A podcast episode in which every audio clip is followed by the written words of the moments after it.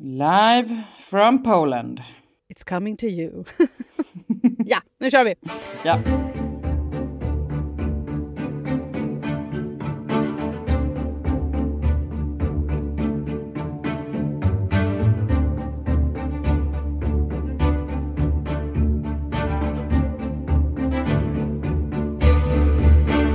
Hej och varmt välkommen till Aftonbladet Utrikes. Jag heter Jenny Ågren och jag har med mig som alltid Nivette Dawood. Men Nivette, du sitter liksom inte mitt emot mig för jag står hemma i min garderob och du är var då någonstans?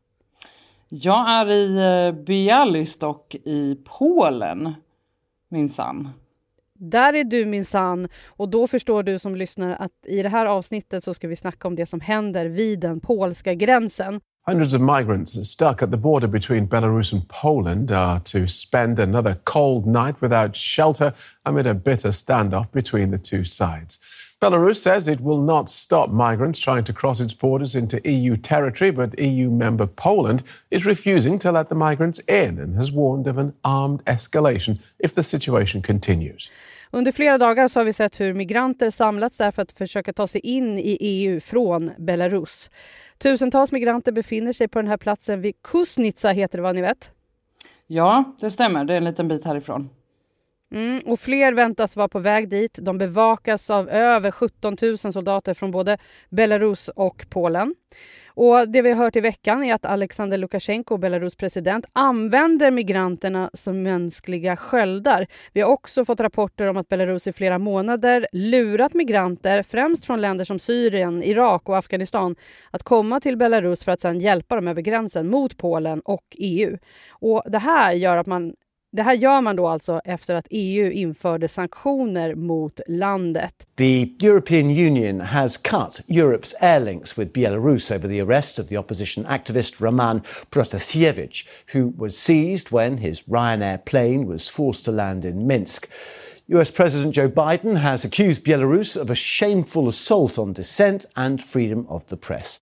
Och för dig som har lyssnat på Utrikes tidigare så snackade vi om Belarus i början av sommaren när man hade tvingat ner ett plan som flög mellan två EU-länder med regimkritikern Roman Protasevich ombord. Han var på väg till Litauen men greps när planet tvingades ner i Minsk. Och efter den här händelsen så införde alltså EU restriktioner mot landet. Och nu så drabbas alltså då tusentals migranter som försöker ta sig till ett EU-land för att söka asyl på grund av det här. Eh, Polen har stängt gränsen, säger åt migranterna att vända, men då stoppas de istället av militären från Belarus. EU står också på Polens sida och ger landet sitt stöd, men det har också nu börjat pratas om att det kan komma att bli en väpnad konflikt om det här inte löser sig snart. Nu tar vi och fördjupar oss i det här, ni vet, eller hur? Det gör vi. Mm, det är den 11 november och du lyssnar alltså på Aftonbladet Utrikes. Ni vet, hur är läget nu då i Polen? Jag tror att den bästa sammanfattningen eh, är att det är väldigt spänt. I Polen så är det idag dessutom eh, nationaldagen. Eh, och eh, det är eh, vanligtvis en dag då många demonstrerar och har på senare år blivit också en dag då många högerextrema väljer att vara väldigt högljudda och ta en stor plats i, i den liksom dagliga debatten kan man väl sammanfatta det. Och det tror man kan komma att bli möjligtvis ännu värre Eh, det här året efter den här upptrappade ja, konflikten, striden, krisen som är vid eh, gränsen då mot eh, Belarus. Vi fick besked igår när vi var i Warszawa om att det var bäst att, att vara försiktig som journalist eh, om man skulle bevaka de här demonstrationerna. Det, ska, det, har ju inte vi tänkt att göra. Eh, men det säger ju någonting om läget, att det är väldigt spänt och att det är eh, liksom flera olika orsaker till det kan man säga. Mm. Och du och vår fotograf Christer Hansson, ni var på väg till gränsen igår kväll. Va, vad hände?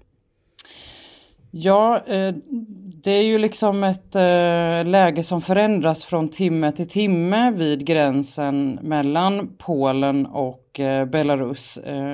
Just nu så får inte journalister ta sig fram hela vägen till gränsen utan vi kommer ja, så nära som, som vi får helt enkelt. Och eh, det är väldigt många soldater på båda sidor som, eh, som är stationerade där. De är tungt beväpnade.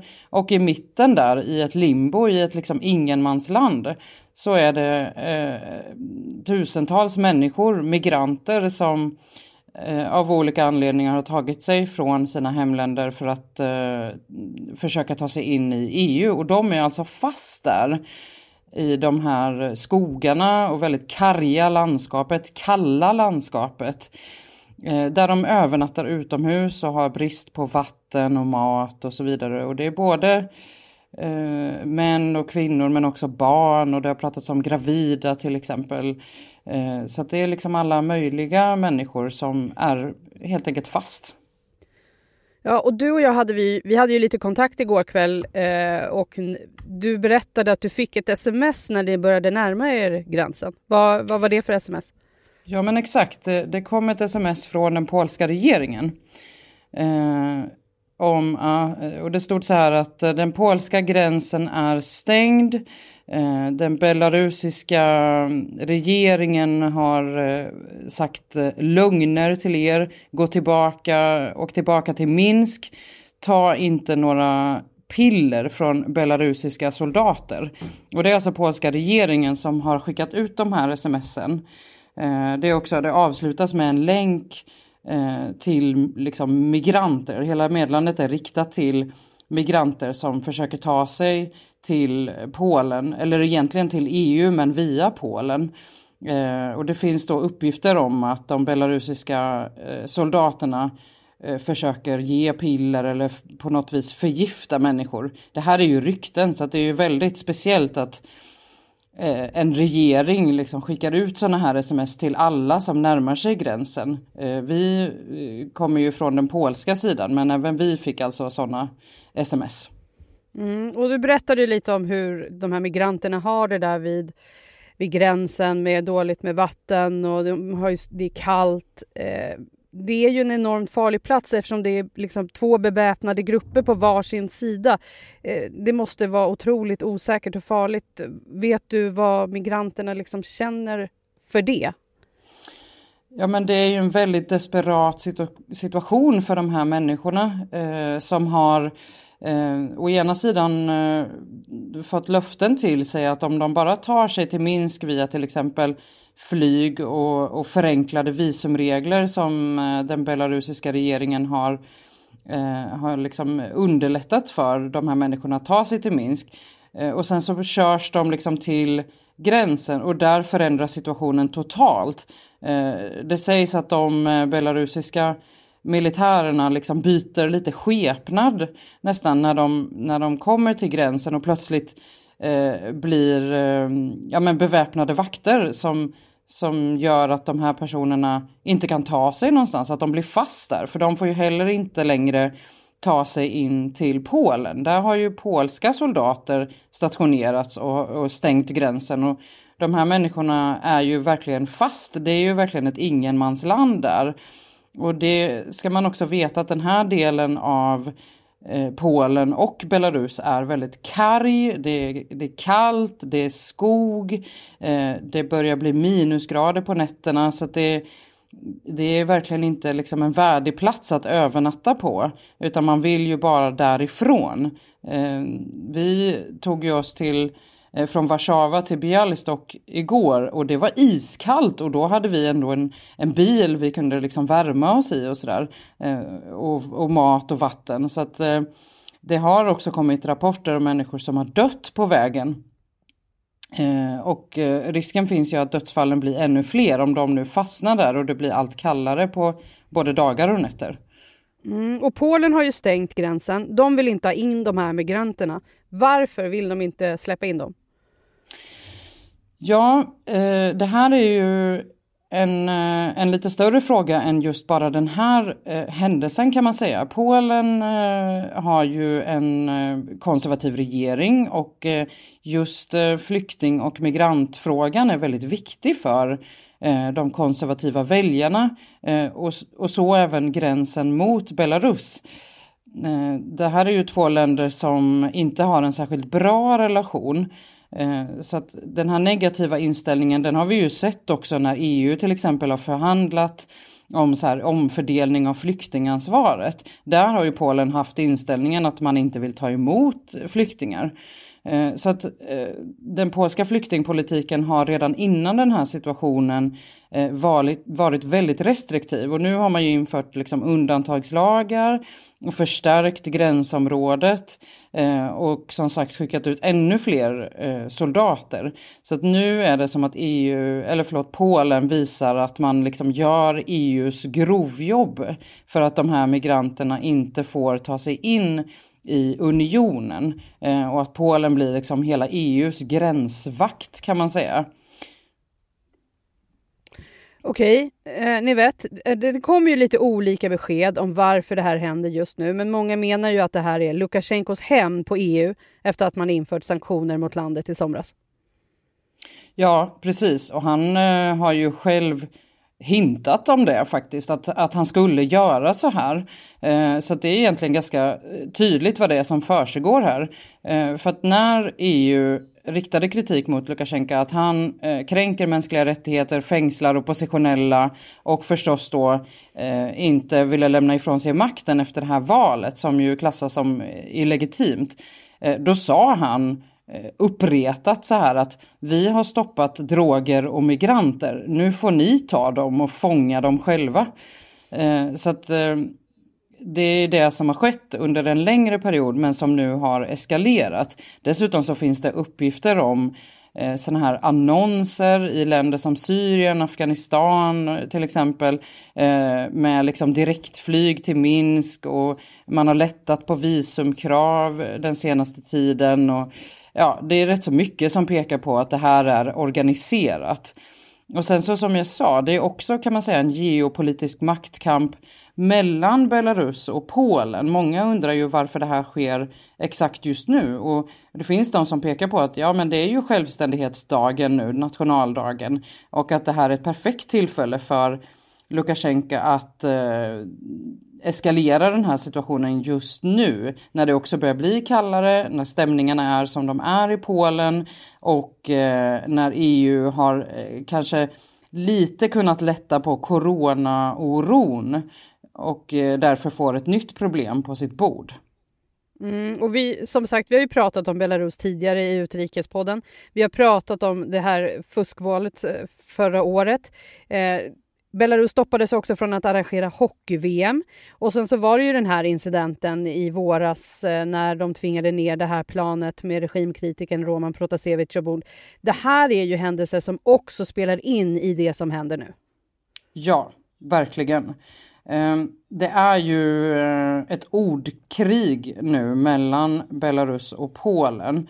Ehm, och Polen, eh, premiärministern här, han sa eh, för bara någon dag sedan att det egentligen inte bara är Lukasjenko och Belarus som genomför det här utan att det egentligen är Rysslands president Vladimir Putin som är hjärnan bakom krisen. Att man har planerat det här med med Ryssland eh, och att det bara är därför som Belarus kan genomföra det här med sån liksom självsäkerhet. Att, att man har eh, ett, liksom ett, ett ganska cyniskt tillvägagångssätt, liksom, att man nästan bjuder in människor eh, som är, liksom, eh, har planerat eh, sin flykt länge eller hoppats på en flykt länge och sen får ett, ett tillfälle, liksom ett direktflyg istället för att ta andra farliga vägar.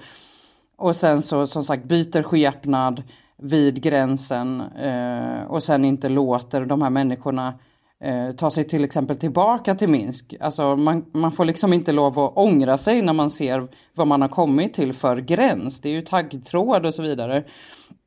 Och så finns det också uppgifter om att eh, eh de här soldaterna klipper upp taggtråden så att människorna kan ta sig in i Polen och då blir de ju mötta av polska soldater istället och eventuellt gripna. Eh, så att det är ju det förefaller ju liksom planerat väldigt cyniskt och med, med människor som, som gisslan i princip. Eh, det ska också sägas att de här anklagelserna är ju någonting som Belarus slår ifrån sig och man säger att den här krisen eh, någonting som har provocerats fram av EU men också av de eh, grannländerna till Belarus. Mm. Du var inne lite på Vladimir Putin och Rysslands eh, involvering i det här. Vi kommer lite det, till det snart. Men en sak som jag har reagerat på, som säkert många andra också har reagerat på under veckan, vad man hör, det är ju att man pratar om att Lukasjenko använder migranterna som mänskliga sköldar. Ja, och det är ju verkligen de här människorna som kommer i kläm. Det är ju dem det handlar om eh, från början till slut egentligen. Eh, människor som av olika anledningar har eh, valt att lämna sina hemländer, som kanske har varit på flykt i många år, som nu eh, har kunnat samla ihop tillräckligt med pengar till en flygbiljett eller av andra, andra anledningar helt enkelt valt att lämna landet där de har varit i. Och så kommer de till det här väldigt kalla, hårda, kall, liksom karga området och fastnar och måste övernatta utomhus. Eh, och kanske till och med avlider eller blir väldigt, väldigt sjuka eller frusna eh, och har ingenstans att ta vägen. Det är ju, det är ju en humanitär katastrof. Eh, och liksom som blir resultatet av en, en konflikt mellan Belarus och i förlängningen då EU. Och vad säger man om det här med att Belarus lockar till sig migranterna för att så att säga hjälpa dem till EU-länder?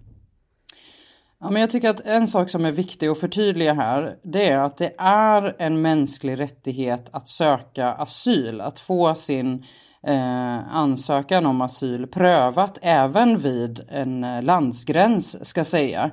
Eh, det är inte egentligen det som är problemet här, utan problemet är ju att Belarus har liksom misstänks sätta detta i system. Att man har eh, ja, men i princip smugglare som eh, tar emot hutlösa summor från migranter och flyktingar och sen skickar vidare dem, skickar vidare dem Eh, Eh, till länder som Polen men också Litauen och Lettland. Och att de sen i sin tur har stängt sina gränser så att de här människorna inte har någonstans att ta vägen. Eh, att deras liksom dröm om att ta sig till EU Eh, vilket land det än må vara, det pratas om Tyskland, det pratas också om Sverige. Ehm, eh, den huggs ju av mitt i kan man säga. Eh, och, och den som är ansvarig för det från början är ju Belarus men, men sen eh, pratar man ju om var ansvaret hamnar för de här stängda gränserna som sagt. Eh, där det både handlar om Polen, eh, Litauen eh, och till viss del Lettland. Och, och, nu har ju alla de som sagt, de har ju skärpt sina gränser och satt upp, eh, posterat soldater och så vidare. Mm, och, hur, och hur säger man då, hur kommer det sig att Belarus väljer att använda sig av just den här så kallade taktiken?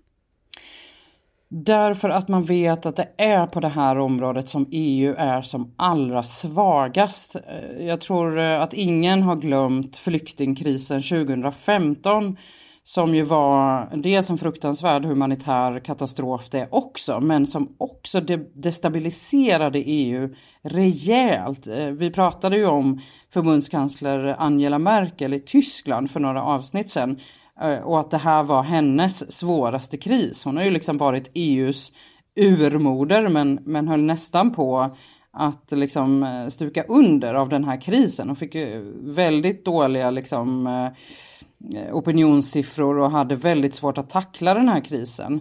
Eh, och EU lider fortfarande av den situationen. Eh, man slöt ju ett kritiserat avtal med Turkiet den gången för att i princip överlåta flyktingfrågan till Turkiet. Och det här dyker upp som ett sår då och då när Turkiet nästan försöker utpressa EU. Man hotar med att skicka flyktingar till EU om man inte gör, si eller så. Och nu är det ju som att Lukasjenko försöker göra en repris på det här. Han testar liksom gränserna för om, om det går att göra lite liknande. Och, och det är ju det som både NATO och EU, EU säger att man Ehm, att Belarus i flera månader försöker liksom provocera fram en ny flyktingvåg. Det, det är verkligen en taktik och en otroligt cynisk eh, taktik och ett cyniskt spel kan man säga.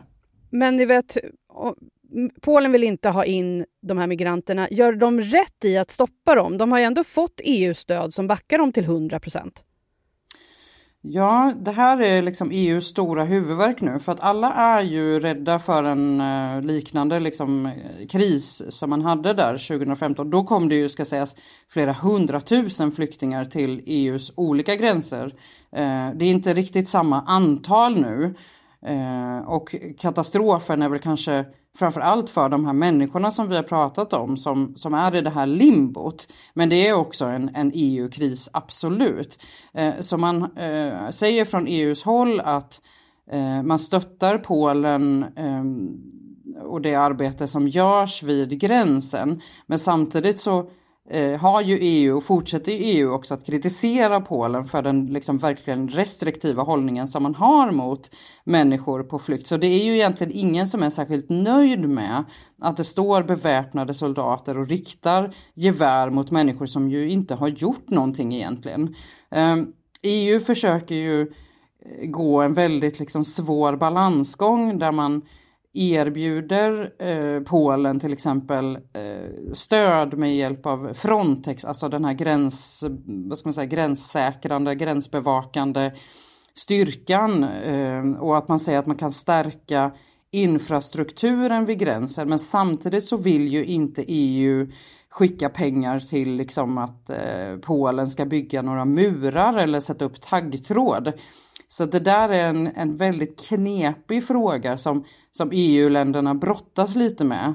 Eh, för man vill ju inte eh, att EU ska liksom bygga upp murar på det sättet. Men eh, man vill till exempel bistå med så övervakningssystem, eh, vakttorn, fordon och liknande.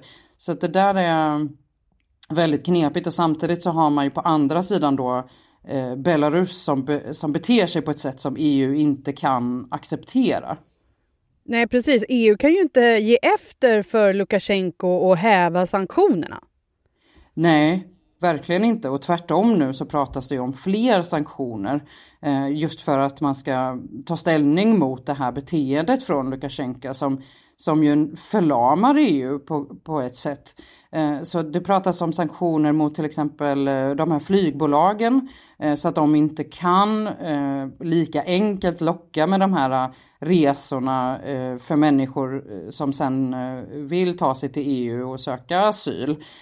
Det är ju så att, jag pratade om det lite kort, att det har liksom gått direktflyg från Syriens huvudstad Damaskus till Minsk och som sagt lättade visumkrav som har gjort att Eh, det har blivit mycket enklare att resa och det här är någonting som man tittar på just nu ganska intensivt från EUs håll. Sen har man också försökt eh, eh, ta kontakt med Ryssland eftersom det är ganska så givet att eh, Lukasjenko inte gör någonting utan Rysslands godkännande. Där har man inte kommit riktigt någon vart. Men det här är ju intensiva diskussioner som förs och jag såg också att FN idag eh, tar upp det här i eh, säkerhetsrådet om jag inte minns helt fel. Därför att det är ju en, en upptrappad liksom, eh, konfliktyta som man, som man bara inte vill se just nu.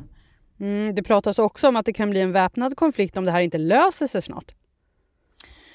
Ja, det här är ju verkligen knepigt för det är ju inte i någons intresse med en väpnad konflikt eh, mellan i princip, ja i förlängningen EU och Ryssland. Det kan ju bli jättefarligt om det skulle ske.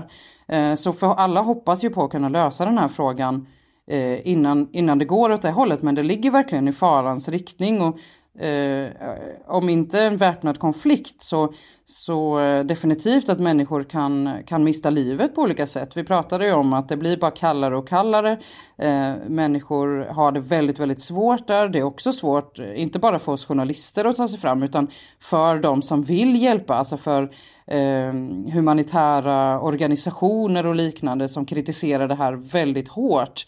Eh, hur situationen ser ut eh, i gränslandet. Och Eh, det är lite olika eh, siffror. Det är svårt att få liksom, eh, korrekt information från belarusiska sidan. Men eh, i alla fall åtta personer har bekräftats ha avlidit när de har försökt att ta sig in i EU.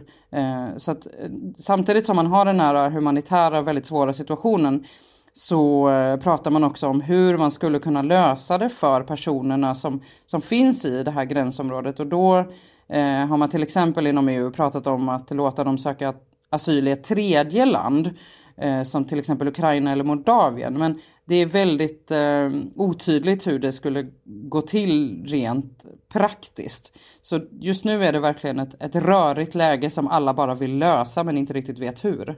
Mm, och du var ju inne på Eh, Rysslands involvering eh, tidigare. Lukasjenko, vi vet ju, han är typ bästis med president Vladimir Putin. Igår så kom det rapporter om att Ryssland skyller krisen på EU och de stöttar Belarus genom att skicka in bombplan för att testa eh, Belarus flygförsvar. Så Ryssland är ju minst sagt involverade i den här konflikten nu. Mm. Och Lukasjenko var faktiskt i Ryssland bara för några dagar sedan och fick eh, återigen stöd av eh, utrikesministern Sergej Lavrov till exempel som, som kallar hela den här krisen för en anti-belarusisk kampanj och pekar liksom ut EU och, och västmakter inom FN och sådär eh, som liksom de som eh, eh, har lockat fram den här krisen. Och alla vet som sagt att Lukasjenko han gör ingenting utan eh, Putins medgivande och Eh, när eh, det var Angela Merkel som senast eh, pratade med Putin i telefon eh, om den här situationen och då sa ju Putin också att eh, det här eh, får, de, får EU lösa med den belarusiska regimen och eh, ja, det är ingenting ni, ni ska ta med mig utan ni får lösa frågan direkt med Minsk, ska han ha sagt. Ja, men nu undrar man ju då vad som kommer hända de närmaste dagarna. Ja, det är liksom flera frågor som är i luften just nu. Det är dels eh, EU som pratar om sanktioner, det är dels på, på, på marken om det kan bli liksom en, en upptrappning av olika slag eh, och hur det ska bli för de här människorna.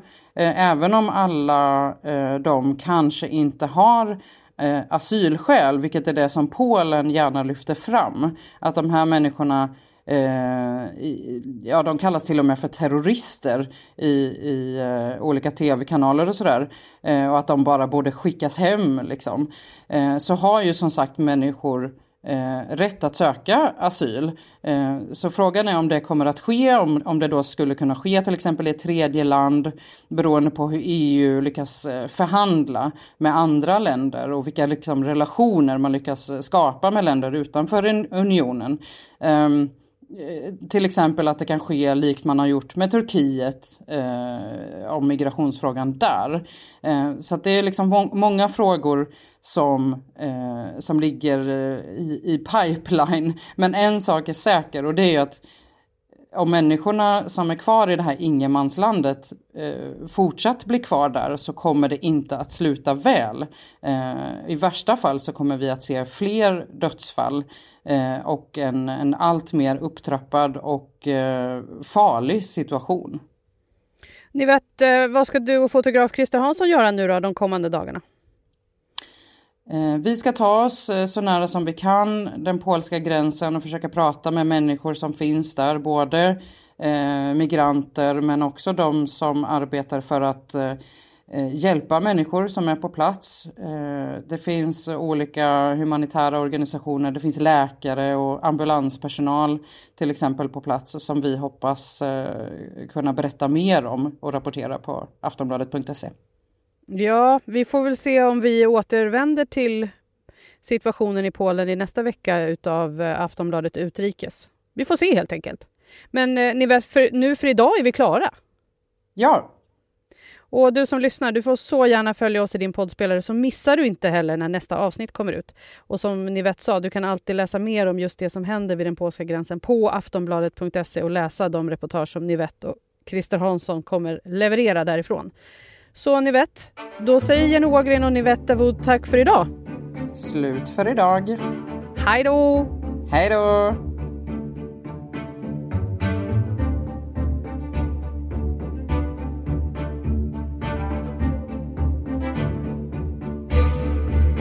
Du har lyssnat på en podcast från Aftonbladet. Ansvarig utgivare är Lena K Samuelsson.